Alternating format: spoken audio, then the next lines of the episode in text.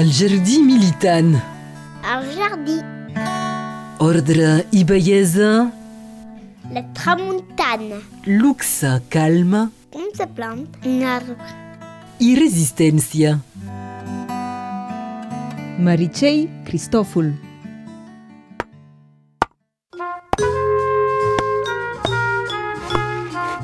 Bon dia, amic jardiner.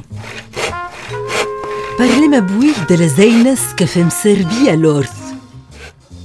En coneixes uns quants perquè has après els noms de petit, perquè ja els fas servir o perquè els has possiblement vist dins les mans dels teus avis quan treballaven la terra. Si debutes al jardí i que no tens eines o molt poques, segurament que en trobaràs al garatge o al casot de casa i que els avis te'ls podrien prestar. Sobre grups d'intercanvis a la web o sobre les xarxes socials trobaràs segurament bones ofertes.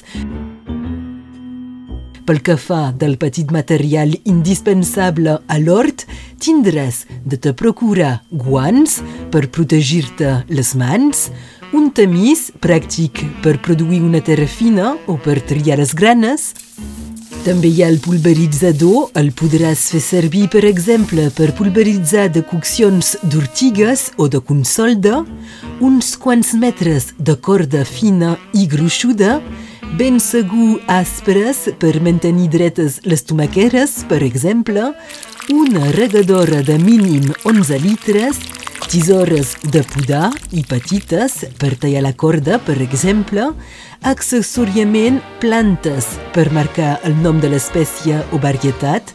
Personalment no en faig servir, però si fos el cas, privilegiaria plantes de fusta o lloses per evitar el plàstic. Pel que fa de les eines que permeten tallar, tens un destral per la fusta, un xerac corbat per podar les branques i una fals o matxet ben pràctics per a tot tipus de feines. Que coneixes segurament indispensables per transportar palla, pedra o terra és el carretó. Permet estalviar esforços i temps. Per continuar dins l'enumeració de les eines més tradicionals i fàcils de trobar, tens una pala que permet fer forats o encara portar d'un punt A cap a un punt B terra i femta. Existeix també el resclet, consistent en una barra dentada fixada transversalment a un mànec i usada per recollir fulles o per afluixar el sol i anivellar. Hi ha també l'aixada, que se fa servir per acabar la terra. Tenint poc temps, no puc parlar de totes les eines i petit material que cal tenir, però he intentat allistar els més importants a parer meu. I parlant d'importància, tancaré el tema amb una eina que ha estat inventada en els anys 60 i que se fa de més en més servir en els horts i jardins, fins i tot per professionals que es dediquen a la permacultura, és la grolineta, que porta el nom del seu inventor.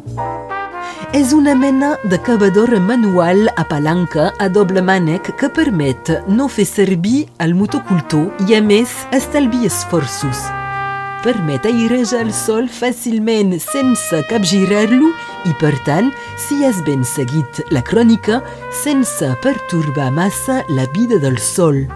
Es conserven els microorganismes que viuen a les diferents capes del sol i poden continuar la seva tasca de transformació de la matèria orgànica en humus, essencial per a la fertilitat del sol.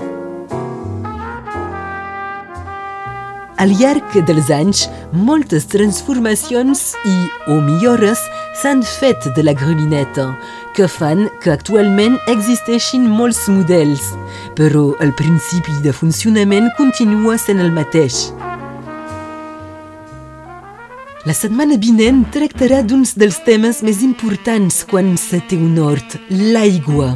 La seva composició, com estocar-la, a quin moment regar i com estalviar-la, i ben segur les problemàtiques actuals de pol·lució i canvi climàtic. Us desitjo bones plantacions. Adiu!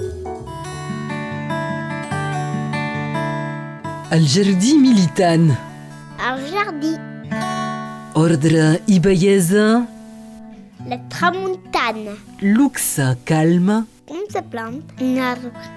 i resistència. Meritxell Cristòfol.